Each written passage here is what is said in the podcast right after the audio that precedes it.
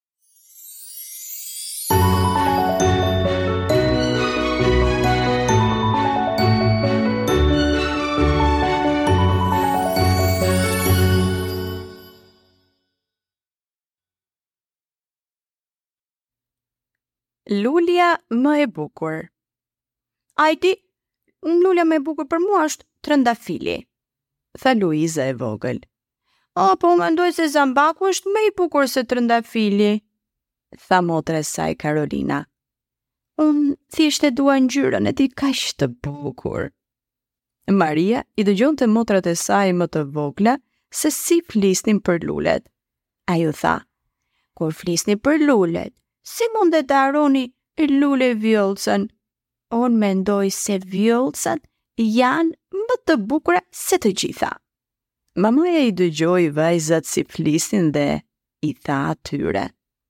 Vogëlushet e mia, Çdo lule ka domethënien e saj. Vjollcat e bardha do të thonë modesti. Zambaku do të thotë pafajësi. Dhe trandafili shpreh dashurinë për të gjithë njerëzit e dashur. Pastaj, Luiza, Karolina dhe Maria menduan se nëna kishte të drejtë.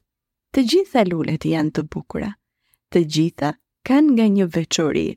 E si mund të ndahen ato nga njëra tjetra? Po ashtu, ato menduan dhe arsyetuan se pëlqimet janë vetjake, janë individuale, Ndoshta nuk është e thënë ajo që na pëlqen ne do t'i pëlqejë të gjithë të tjerëve. Ndaj për këtë arsye bota është kaq e bukur sepse është e ndryshme. Por ama ne nuk mund e dot të themi se mendimi ynë është argument që vendos për çdo gjë tjetër. Por ç'të bënin më tej vajzat? Menduan që të mbillnin dhe ato nga një lule që preferonin në oborrin e tyre.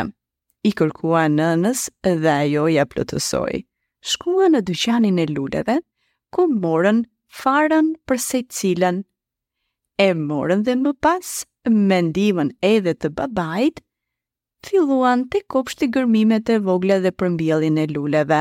Në këtë mënyrë, jo vetëm do të kuptonin rëndësinë se si nga një farëz e vogël bëhet një lule e madhe, por gjithashtu do të vlerësojnë dhe më shumë natyrën dhe më pas aromën e tyre, pa i këputur, sepse lulet më pas vyshken, kopshti i tyre do të ishte vërtet magjepsës.